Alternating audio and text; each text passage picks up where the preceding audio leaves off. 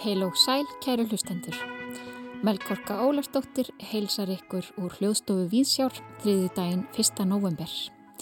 Í þætti dagsins helgar vofur, málað með svörtu, tónlistarverluna tilnefningar og dans í hjólastól.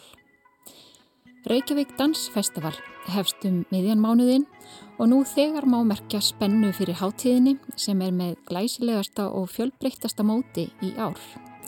Meðal verka sem síndverða hátíðinni er nýtt dansverk Láru Stefánsdóttur sem hún vann í samstarfi við Spinn Danskompaniett í Gautaborg. Lára kemur í hljóðstofu hér rétt á eftir og segir okkur nánar af verkinu. Skamdegið vekur hjá mörgum ugg enda sveipar það hverstægin dölúð. Örn Elvar Arnarsson færir okkur einn af sínum skaldrænu pislum í þætti dagsins og honum er skamdegið hugleikið. Guðni Tómasson er líka á dekkri nótunum í dag en hann segir okkur frá mistara svarta ljósins, listmálaranum Pierre Solage sem lést í Hárialli í síðustu viku. Hann þótti á sínum tíma einn merkasti myndlistamæður Fraklands og verk hans eru til í söpnum víða um heim. Og við höldum áfram að rína í norræna tónlist því í kvöld verður tilkynntum handhafa tónlistavelluna Norðurlandaráðs árið 2022. Tól tónverk norræna tónskálda eru tilnemd og í ár spanna þau mjög vítt svið tónlistastefna. Við kynum okkur tilnefningarna tólf í tveimur pislum hér í Vísjá og heyrum þann síðari í lok þáttar. En við byrjum á dansinu. Lára Stefansdóttir, dansari og danshöfundur er sérst hjá mér. Þú ert að undurbúa danssýningu sem verður sínd á Reykjavík Dansfestival og svo víðar á landinu á næstunni. Verkið er unni í samstarfi Danskompaniet Spinn í Gautaborg. Getur þú sagt okkur aðeins frá þessum dansflokki? Já, þessi danshópur er sérstakur á því leiti að í honum eru líkamlega fatlaðir einstaklingar og ófatlaðir. Hún blandar saman, hún vera Suvaló Grimberg sem er listrætt stjórnandi flokksins. Hún stopnaði þannig flokk og vildi sína meiri breyti í dansinum og er að gera mjög áhugaverða síningar. Þannig að það var mjög spennandi að fá að taka þátt í verkefni með þeim. Ég var búin að gera svona vinnubúðir ári áður með fleiru dansurum og gekk mjög vel og var mjög, sérstaklega það var svona alþjóðlegar vinnubúðir.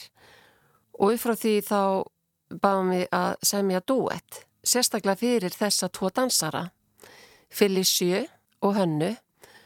Og Felicia, hún er sérstaklega fattist með klóðurrygg og er búin að vera í hjólastól allt sitt líf. En e, lifir bara sem meðlega mannskja og er að vinna sér fullið sem dansari og, og hérna er verið að segja að kenna sjálf fólki að ná góðri helsu í að rækta líka mann og Hanna, hún er líka búin að dansa lengi. Þannig að það er náðu vel saman og þetta var mjög sterk og gefandi orka alveg fór upp af því að þetta er svona mikið ákveðið frelsi sem skapast þegar maður vinnir svona nái með dansurum. Og það er komið náttúrulega auðvitað því að ég byggja náttúrulega mína dansmiði svolítið mikið bara á samtali við dansarana. Og verkið heitir Hanna Felicia sem eru bara þeirra nöfn. Og þær hafa verið, þetta er fólkvöldu á flug, þær hafa verið að sína þetta í það og senduði mig Reykjavík Dansfestival sem er núna á 20 ára amali, þannig að mjög gaman að taka þátt í því. Senduði sérst e, bara eftir spur hvort að þær getur verið með og, og úrvarð að þær eru á leiðinni hingað. En nota ferðina til þess að fara líka norður á Akureyri og sína þar 14. november og verða vinnubúðir þar líka fyrir dansara, unga dansara þar og eldri, sjálfsögðu, dansara og öllum aldri. Mm og síðan verðum við hér 17. með tvær síningar og svo er pælingin að hafa svona samtala millir síninga þannig að áhverjandi geta spurt svona um vinniferðlið og, og hittansarana og slikt og síðan erum við að fara til Ísafjörðar líka. Mm -hmm. svona í, í í fæðingar bæminn sem er svolítið gaman líka. Þannig að þessi hópur hann er búin að vera starfandi í allavega tíu ár og rétti við það, hann er nýbúin að eiga amali þú hefur kent bæði dans og pilates og skapa þín eigin dansverk. Finnst þér að skipta máli að það séu alls konar líkamar í þessu umhverfi?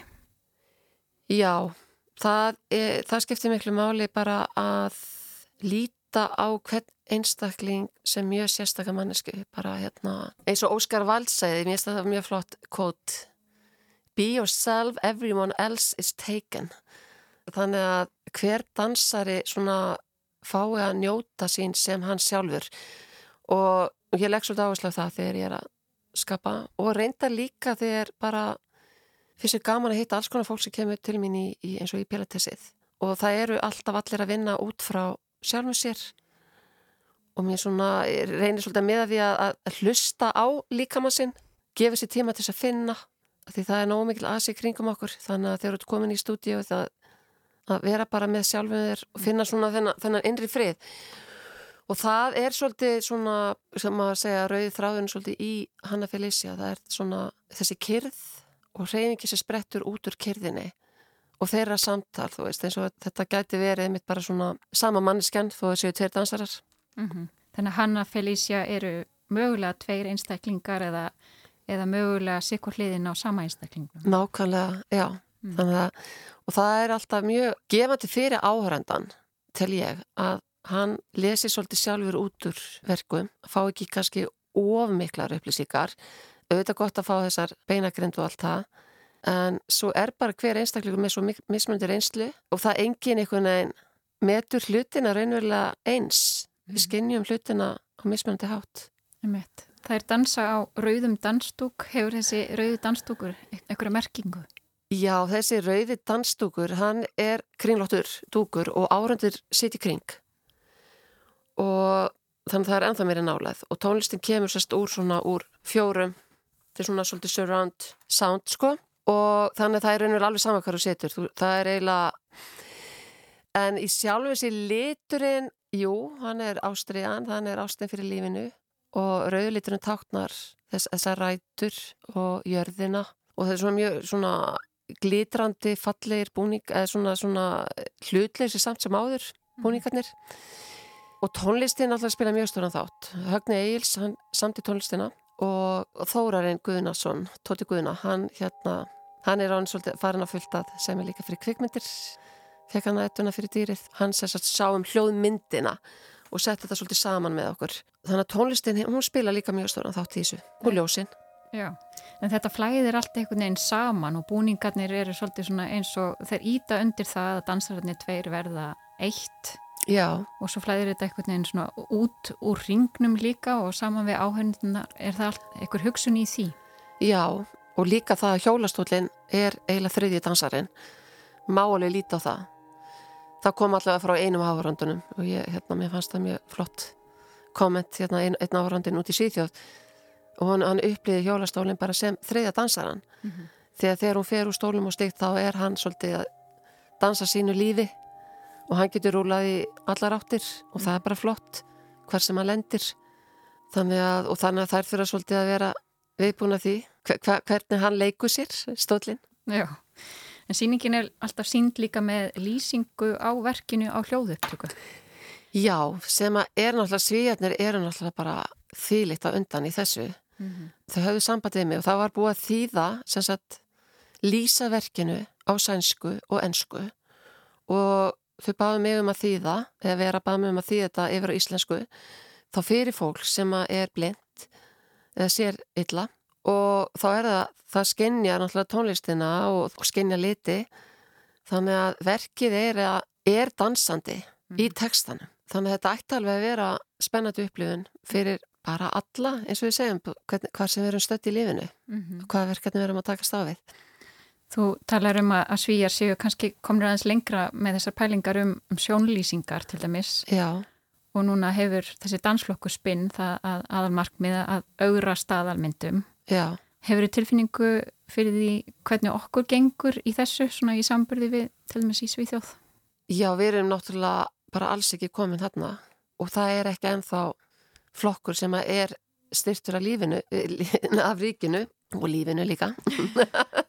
Við erum lífið sem að bara getur verið að halda upp í dansflokki með einmitt þar sem við erum að augra þessum stöðlegum ímyndum. Þannig að við erum allavega ekki þar. Þannig að það vantar alla flóruna í, myndi ég segja svolítið í dans á Íslandi bara frábært að það eru bara stórkoslegt að það séu margir og það eru fleiri og fleiri dansar og dansahundar að koma hér og, og er að vinna sjálfstætt. Já, það má alveg segja það að við erum á eftir í listansi. Við erum svolítið unglingar ennþá mm -hmm. í dansheiminum á Íslandi. Já, en kannski líka einhverju leiti getum lært af umheiminum hvað var þessar staðalímyndir og fjölbrítileikan?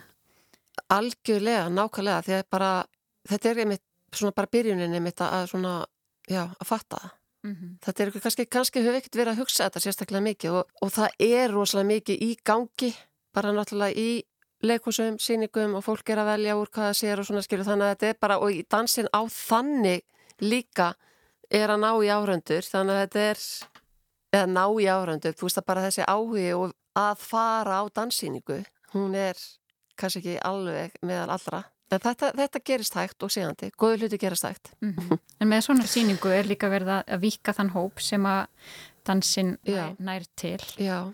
að því að, að dansin á endanum snýst um tjáninguna sem er allra Nákvæmlega, það, er, það snýst um að sína hreyfingin, hún er, hún er svo tólkandi og það er að sína hana á ótal, ótal vegu. Þannig að þetta er alltaf þetta samtal, árandin og sá sem er með reyfinguna hvernig hann miðlar þessu. Mm -hmm. Takk innilega fyrir komuna, Laura Stefánsdóttir. Bara takk innilega fyrir.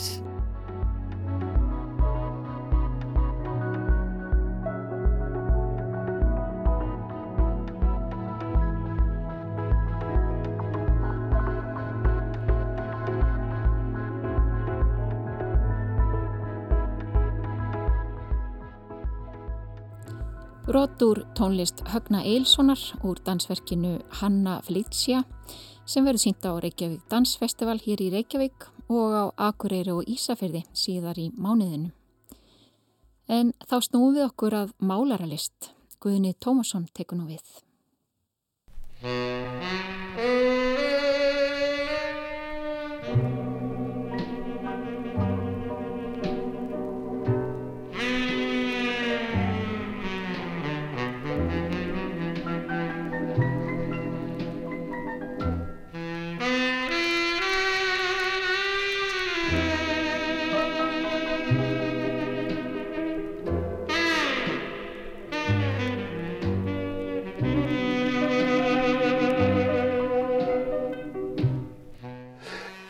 Je commence à peindre, avec du noir sur du noir, c'est pas avec du noir que je peins, c'est la lumière.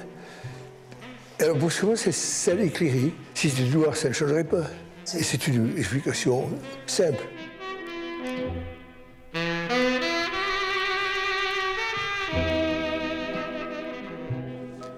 Hér heyrim við rött listamann sem að fóru yfir móðuna miklu núna bara í síðustu viku og var líklegast orðin sattur lífdaga enda fættur skömmu eftir fyrri heimstyrjöldina á aðfangadag árið 1919.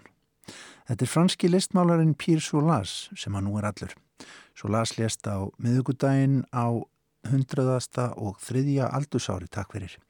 Hann var um langt skeið álitinn einn allra fremsti og merkilegasti myndlistamæður Fraklands, hlaðinn velunum og heyri á alla mögulega máta og kanta. Pírsolas var fættur í smáborginni Rótes í Averón héradi í söður Fraklandi. Fadir Jólabassins var vaksmiður sem hafði snúið sér að rekstri veiðibúðar en lést þegar Pír Littli var aðeins fimm ára gammal. Það var eldri sýstir hans Antoniett og móður þeirra sem að ólan upp. Marti umhverfi ungadrengsins vakti aðdegli hans þegar hann óks úr grassi. 16 ára sá hann í fyrsta sinn myndir af hellamálverkum í alltaf mýra hellinum fræga á spáni.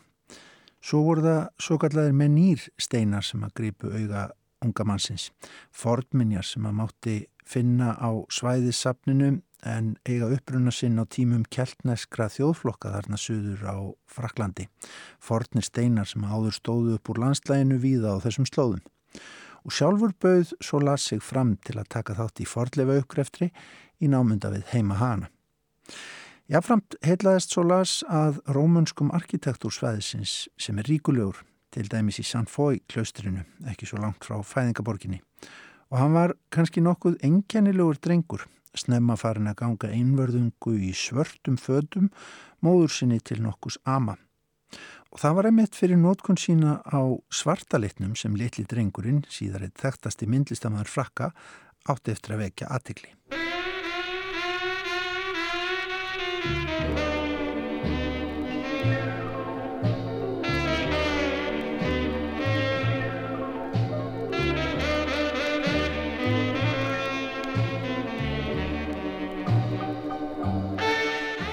Et mon cas, comme il s'agit au fond du reflet, mais pas n'importe quel reflet, parce que la lumière reflétée par le noir n'est pas la même que si elle était reflétée par une autre couleur.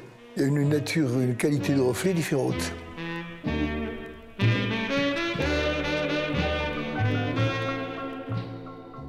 Pérsólas var á sínum langa, langa ferli álitin vera óskóraður meistari svartalitarins. Hann var komin niður á nótkunn hans snemma eftir háskólanám í listum sem hann laði stund á bæði í fagulista háskólanum í París og í listaskóla í Montpellier. Námið, ekki síst í fyrrnemdaskólanum, þótti honum full íhaldsamt og hann helst því ekki lengi við þar. Hann giftist konu sinni Colette sem að lifir mann sinn nú eftir 80 ára hjónaband árið 1942 og opnaði vinnustofu í París þar sem hann laði stund á algjöra abstraksjón eins og hann kallaði það. Í og með var hann svo lasað leikmyndahönnun en síðan tók myndlistin meira og minna yfir. Árið 1954 tók hann til að mynda þátt í tvjeringnum í Fenium og eftir því sem áleið var svartiliturinn alltaf meira og meira áberandi. Svo las var oft kallaður meistari svarta ljósins en svartiliturinn sem vitanlega er þekktur fyrir að draga í sig ljós fyrir ekkarna endurkastaði átti til eins og að glóa í verkumans og lýsingar fag og áhuga manna á list hans voru oft nokkuð hástemdar. Bandaríski listgagrinandin Donald Kuspit orðaði það svo í Art Forum tímaritinu árið 2019 að allir rammar Solas væru líkt og fugglin Fönix upprísin úr öskunni og franski fórsetin fyrirandi François Hollande let hafa það eftir sér árið 2014 að Solas væri mestur allra þálifandi listamanna heims. Í það minnsta varð ferillin langur og gæfur ríkur einir átta áratýr og svartaljósið var yfirleitt yrkisefnið, lýsandi myrkrið sem hann saði fram eftir langri æfi að hefði heitlaðan snemma og teki sér bólfestu í vitundinni. Tólmitt er ekki svartur litur, heldur ljósið sem svarti liturinn endurspeglar af sér, saði svo las í viðtali á tíunda áratögnum. Það var að loknu setna stríði þar sem Pír Solás gengdi herþjónustu að hann skipaði sér í framvarðasveit franskrar málarlistar. Hann síndi til dæmis á samsýningunni frægu Salonde Independant árið 1947 og það var síðan á sjötta áratögnum sem hann tók þátt í mikilvægum síningum í bandaríkunum þar sem evróskri abstraktlist var telt fram gegn nýjustu ströymum og stefnum sem þá voru orðnar ofan á í listinni Vestanhafs. Reyndar voru brúnir jarðartónar áberandi í verkum Solás fyrst eftir stríð en það var síðan á sjönda áratöknum sem svartiliturinn fór að taka eiginlega algjörlega yfir, stundum svart á svart. Það var síðan árið 1979 sem að Solás laði frekar undir í þessu veðmálu sínu og fór að notast við litatón sem hann kallaði svartan plús, outre noir. Áferðin varð áþreifanlegri, glansinn meiri, liturinn stærri og dýbri einhvern veginn. Laugin þykk á fletinum, stundum uppskafin eða rispuð af síðar meir í ferlinu. Og ríflega 40 síðustu árin á ferlinum fóru í þessa þróun, þessa stanslausu leit með góðum árangri. Því eins og áður segir var heiðurinn sem Pír Solás hlottnaðist að langri æfi, margvíslegur, þó vissulega ditt hann inn og út úr tísku eins og eðlilegt er á svo lungum ferli kannski. Hann fekk aðstu orður heimalandsins fyrir störf sín, bandarísk, japansk og evrósk myndlistavelun af Ímsum toga. Sapn er tilenga verkum hans og er starfandi í heimaborgans í Ródes í Suður Fraklandi og verkans er að finna í öllum helstu myndlistasöfnum heims. MoMA í New York til dæmis, National Gallery í Washington, Tate í London, Pompidou í París bara svo einhver dæmi séu tekin. Árið 2019 í tilöfni aldarafmælis þessa aldna franska myndlistamestara var haldinn sérsýning á verkum hans í sjálfu Louvre-safninu í París. Það gerist ekki á hverjum degi. og í viðtali um þann heiður var gamli maðurinn eiginlega stein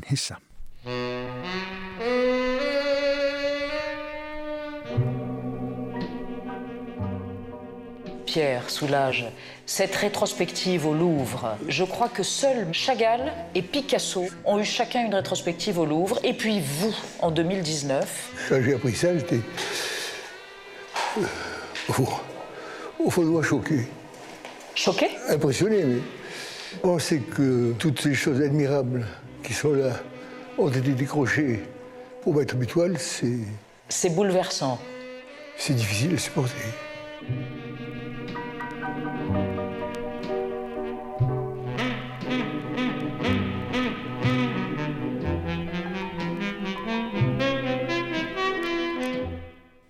Og þegar hann var spurður út í leindamálinn við að viðhalda svo lengi áhuga á myndlist og verkefnum listarinnar, svaraði Pír Solas einfallega Ég held bara áfram að hugsa um málverkið sem ég ætla að mála á morgun. Nú er þessi 130 ára gamli franski myndlistar meistari látin ætlan sé ekki samt að undirbúa næsta verk á næsta tilhörustígi. Il est morne, il est taciturne, il préside aux choses du temps. Il porte un joli nom, Saturne, mais c'est un dieu fort inquiétant. Il porte un joli nom, Saturne, mais c'est un dieu fort inquiétant en allant son chemin morose pour se désennuyer un peu. Il joue à bousculer les roses.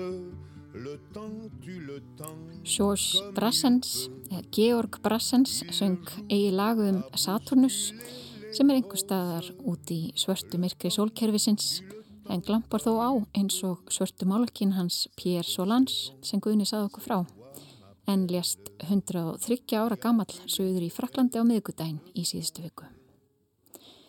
Þá er komið að písli frá skáldinu Erni Elvari Arnarsinni sem er líka á dökkunótunum í þetta skiptið og fer með sínum skáldlugu höndum um skamdegið.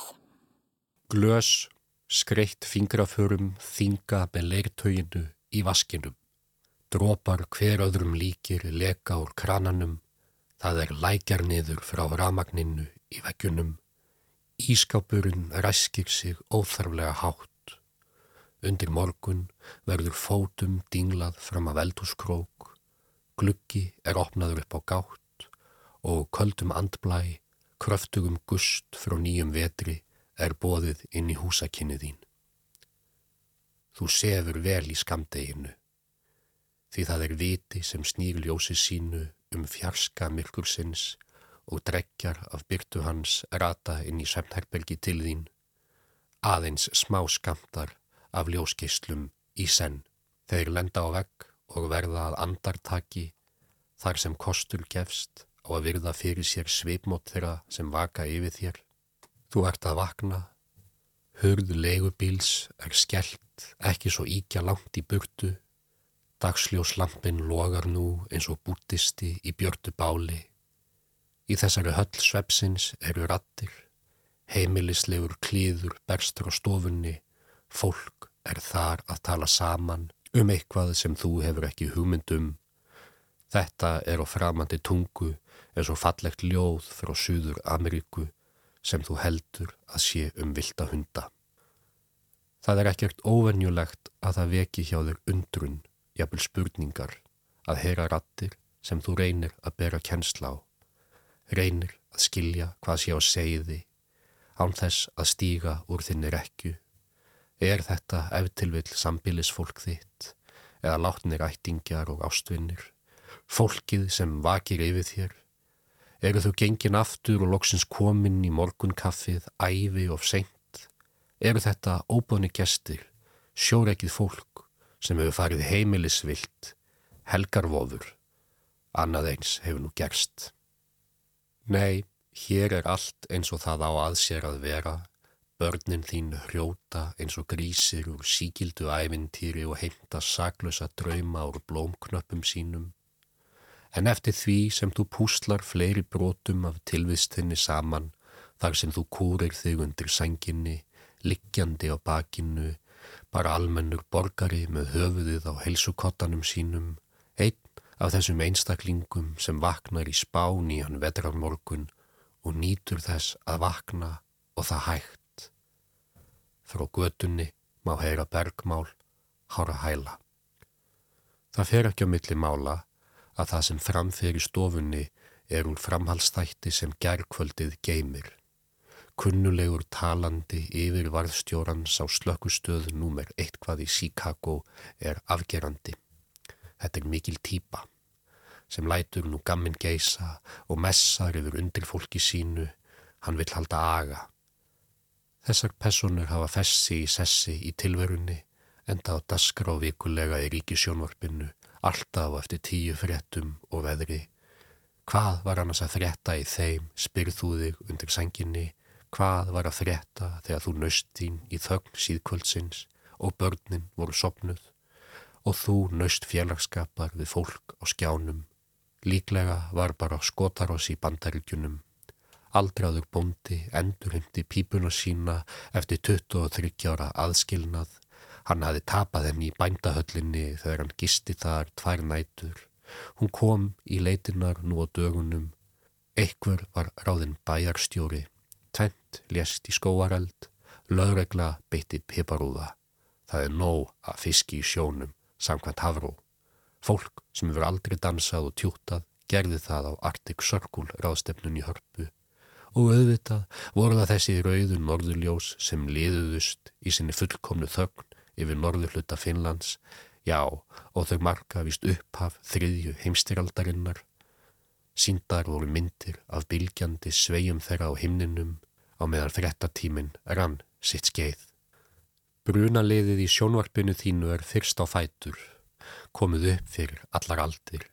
Þér heyrust þau vera strax byrjuð að ræða slælegar eldvarnir í almannarími í einu af fátækari hverfum Chicago borgar. Þú heldur og þú að vera aldrei komið þangað, en mynd líklegast aldrei gera það. Hugrakki reikkavarinn sem er í forgrunni sögunar er ótvírætt og efst á baui þessi misserinn eftir þá hetjudáð sem hann vann í byrjun síðasta þáttar. Þegar hann fórnaði heilsu sinni á frívakt og forðaði sértækum aðstóðarhund nágrana síns sem þjáist af sigur síki út af reikfyltu heimili þeirra, sem þegar betur var að gáð reyndist vera lítið annað en bara asbest á asbest ofan og uppfylti engin skilirði fyrir mannabústaði óvistlegt og ekki fólki bjóðandi. Hann leggur til að efna eigi til samskota fyrir nákvæmann sinn, vil tryggja honum áhyggjulöst æfikvöld, standa fyrir fjár öflunar hafnaboltaleik, kannski. Það er ekki annað hægt en að rýfast með þó þú liggir í öðru herbergi og veist ekki almennilega hvort þú sért vakandi eða sofandi þegar reikkafarinn heldur innblásna ræðu til að þjappa samstarfsfólki sínu saman, stappa eða stálinu svo það hafi dög til að ráðast í óheðbunnar og fípltjarfar aðgerðir. Hann ber ekki bara súrefniskút á sínum herðum nýja slasaða einstaklinga með reikeitrun. Hann er fyrirliði slökkustöðarinnar í hafnaboltadeild viðbræðs aðila þarn í borginni og inn á vellinum í þeirri íþrótt er hann líkt og í sínu starfi þrautgóður á raunarstund. Þér heyrist þar sem þú liggur í rúminu og fylgist með dagsljóslampanum auka styrksinn eftir því sem tekur að grafa í morgunsárinu að öll von sé úti og útlitið sé vægast sagt skelvilegt fyrir ungu barnsafandi konuna sem verðist hafa sætt sig við óumflíjanleg örlug sín gengist dauðanum á hönd í skýðurlogandi háhísinu þar sem hún vinnur langa daga til að brauðfæða sig í hörðum heimi þessarar nöpru borgar. En sína síðustu krafta notar hún til að reka upp öskur, öskur sem er svo kraftmikið, lífsmark, að það á upprina sinn í spönginni, hverjum einasta vöðva og öllum þeim lífærum sem eitt líkami hefur fram að færa Kraftur þess eins og kingimagnaður að það mun óma í höfðum viðbraðsæðila í næsta þætti. Úti í vetrarrökkrinu er maður að ganga með hund. Þetta er kjöldurökk í endurskinsvesti. Gangstjættar hellunar undir þeim glitra eins og stjörnur í næturfrostinu. Í næstu íbúð er barn sem grætur og það verður fljótt sefað. Þú ferð á fætur og í svipin rámar þig ekki hvenar þú komst síðast nakin fram en þú stikar á nývöknuðum fótunum, stöylast eftir ganginum á leið til stofunar sem er á sama stað og í gær og daginn þar áður og svo lengi sem elstu menn muna. Þú gengur á hljóðin sem glamra um vistaverur þínar, rattinnar, snarkið í eldtungunum, öskur óléttu konunar. Vasselgur er á gödum Chicago, lauraglan lokar umferð, fólk byður bænir fyrir aftan strengtan gulan borða, oh my god, segir það, óðamála en þaulþjálfuð samskipti drukna í talstöðum. Nú er að döga að drepast, það má engan tíma missa, svo þú rekur inn nefið og þarna í þinni eigin stofu hittir þú þig fyrir sitjandi á sófanum. Að brjóta um sama þvott og gengið var frá í gær, para saman sömu sokka sem orðið höfðu viðskila í dagsins önn, Hárauð forgangsljós í ælendri borg glampa í augum þínum, gljáandi amerískir brunabílar, leikfengur draum benskunnar, krómið á þeim speiklar leikmynd af borg sem brennur, þú kvíslar nafn sem þú manst ekki. Örn Elvar Arnarsson flutti okkur pistil um skamdegið. En það eru ímsa leiðir til að stitta stundirnar og milda sinnið á dimmasta tíma ársins. Við snúum okkur að tónlistinni. Í kvöld verið tilkynntum handhafa tónlistavelluna Norðurlandaráðs árið 2022. Tólf tónverk Norrætna tónskálda eru tilnemd og í ár spannaðu mjög vítt svið og tilheyra ólíkum tónlistastefnum. Þar fer heimstónlist, klassísk tónlist, óperu og kórtónlist, ráftónlist og þjóðlaga tónlist.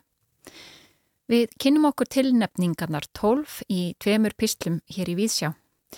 Í fyrirlutanum sem fluttur var í þættinum í gær fórum við yfir tilnefningar frá Noregi, Finnlandi, Færeum og Íslandi. Í þessum síðarluta kynum við okkur svo tilnefningar frá Svíþjóð, Danmörku og Grænlandi á samt síðari tilnefningu okkar Íslandinga. Byrjum í Svíþjóð.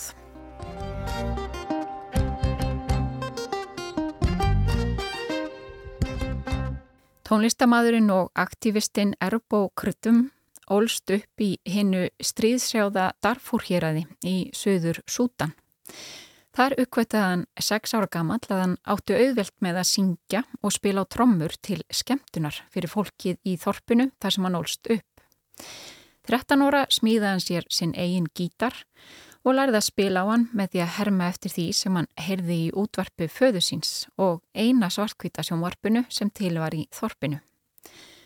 Hann kynntist tónlistamönnum á borð við Ali Farka Túre, lærði á fleiri hljóðfari og tilengaði sér tónlistastíla frá mörgum löndum sunnan Sahara eðimerkurinnar. Þegar stríð skall á í Darfur árið 2003 varður öll Ebo mikilvæg í baráttunni gegn ógnarstjórninni. Hann tók virkan þátt í mótmælum og andstöðurhefingunni gegn einræðistjórninni í Sútan sem var til þess að hann neytist til að flýja land.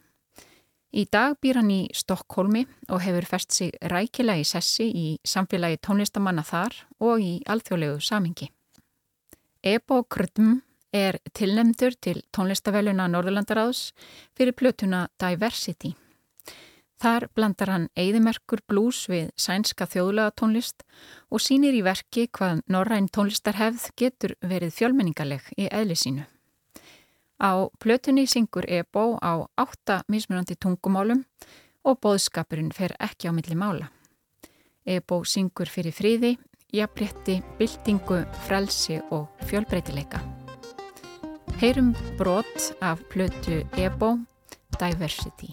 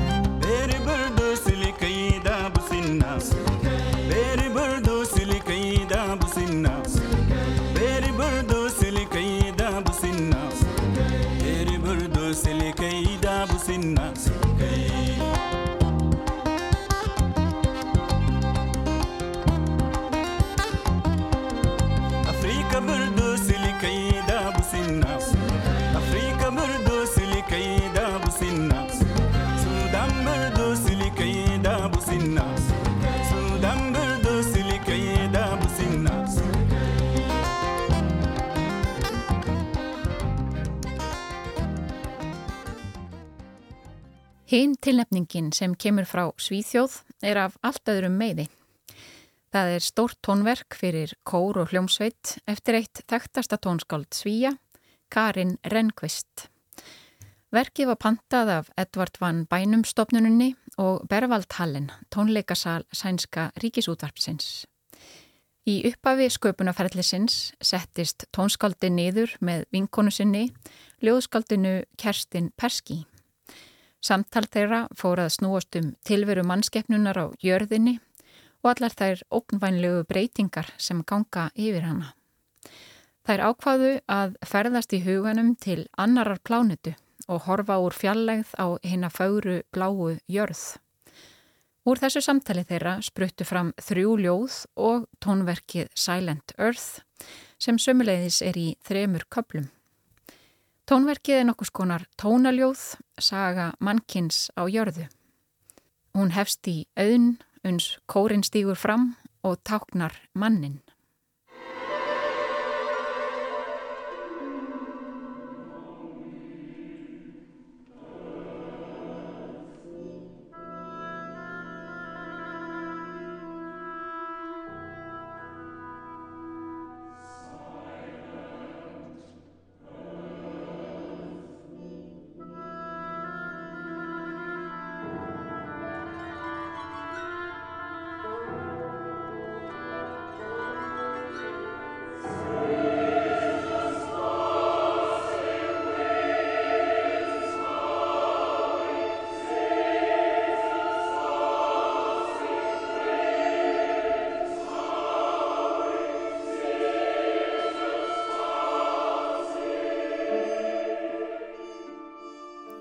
Annar kapli Silent Earth spannar tilvist mannsins á jörðinni en honu líkur með endurteknu mótífi korsins á mörgum ólíkum tungumálum sem segja Bjargið okkur, bjargaðu þér, jörð, bjargaðu þér frá okkur.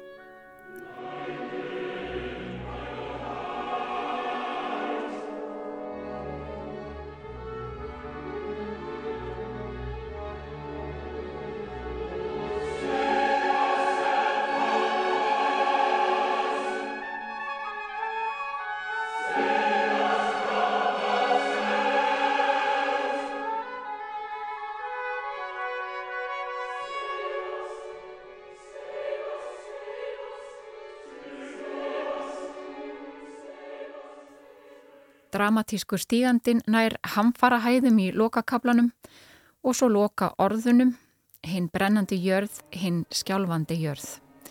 Verkinu líkur svo með langri dramatískri þögn.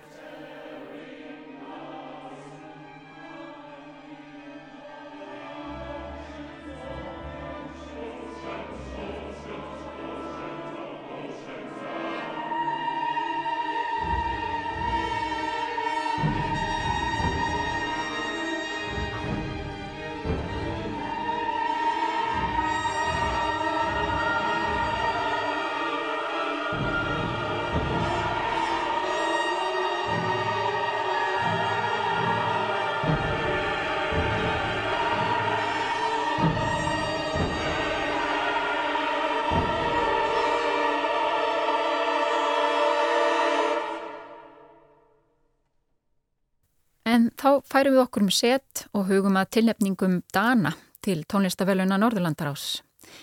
Þar er reyndar ekki minni dramatík á ferð. Tónskaldið Líne Tjornhói hefur útskýrt tónverkið End Mensch með einfaldri upprópun. Ég er mjög uggandi yfir framtíðinni. Tjornhói er þekkt fyrir magnaða nótkun sína á mannsröttinni og fyrir það að nálgast viðkvæm og erfið málefni í tónsköpun sinni.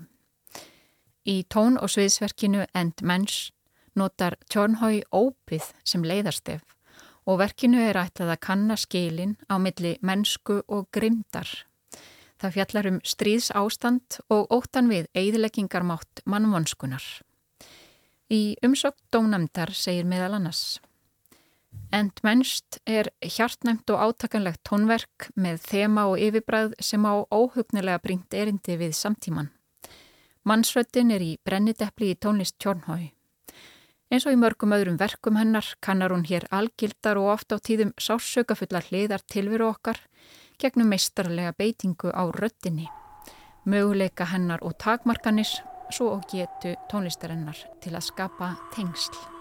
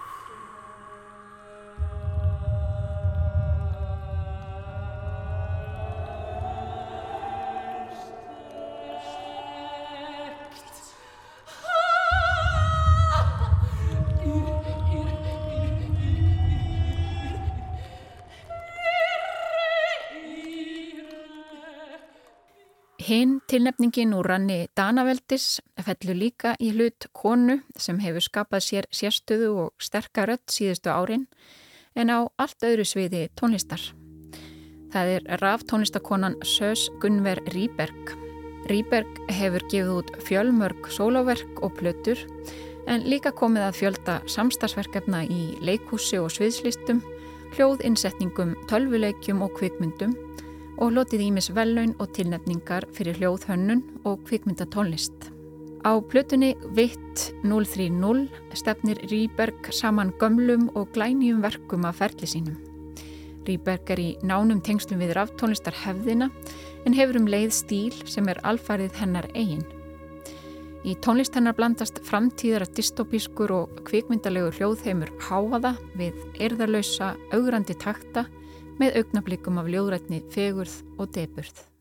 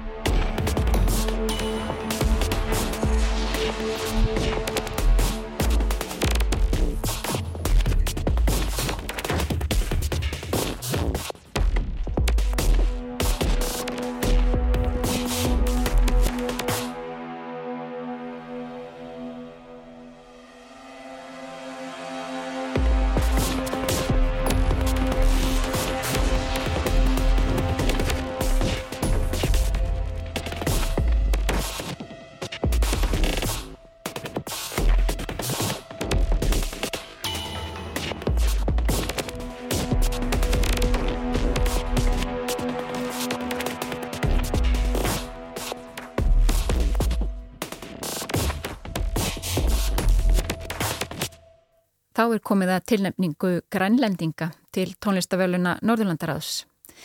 Það er ungu listamæður sem hefur skotist upp á stjórnuheiminin og hleyft nýri orgu inn í grænlendst tónlistarlíf. Tónlistamæðurinn Anda Chan hlítur tilnefningu fyrir plötuna Visualize Happiness. Í umsökt dómnefndar um Anda Chan segir meðal annars Andatjan er þess megnugur að skapa andrumsloft þrungið ráftónistarljóðum með alþjóðlegum hljómi.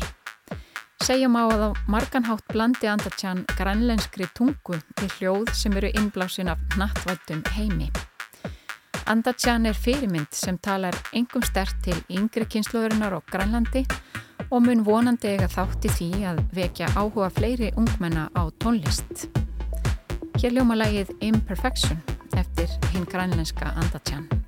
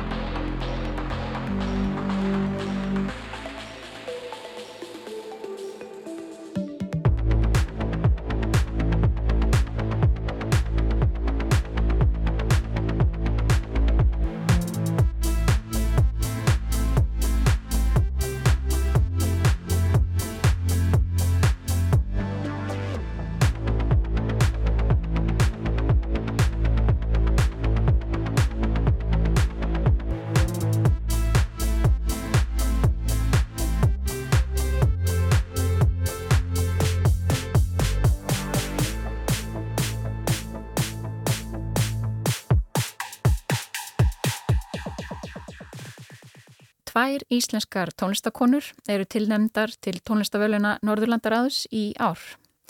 Í Písli Gjardagsins fjöllum við um plötu Sólegar Stefansdóttur, Mother Melancholia. Síðari tilnefning Íslands er tónverkið Vítir eftir Báru Gísladóttur. Vítir er um klukkustundar langt verk fyrir nýju flautur, rafbassa, kontrabassa og þrjá slavisleikara. Verkið var frumflutt á myrkum músikdögum fyrir á þessu ári af hópi íslenskra flautu og slagversleikara á samt þeim skóla Sverisinni, bassaleikara og Báru sjálfri. Bára Gísladóttir er tónskáld og kontrabassaleikari búsett í Kaupmannahöfn. Tónlist hennar hefur verið flutt af hljóðfærahópum og hljómsettum um víða veröld, þar á meðal dönsku symfóníuhljómsettinni, kammerhópnum Intercontemporain og Symfóníuhljómsett Íslands. Í umsögn dómnemdar um vítir segir meðal annars.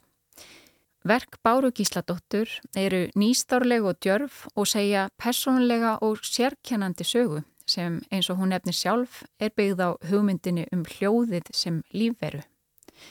Vítir er heitlandi og magnað kammerverk þar sem hljóðheimurinn og uppbygging tónlistarinnar eru mótuð á lífrænan hátt og skarta hugmyndum um áferð og vítir þar sem mismunandi efni renna saman í eitt. Tilkynnt verður um handhafa vellaunana í Helsingfors í kvöld klukkan 8, samhliða öðrum vellaunum Norðurlandaraðs. Vellauna hafin hlýtur að launum vellauna grip og 300.000 danskar krónur. Áhuga samir geta horta á beina útsendingu frá afhendingunni og kynnt sér tilnefningarnar nánar á norden.org.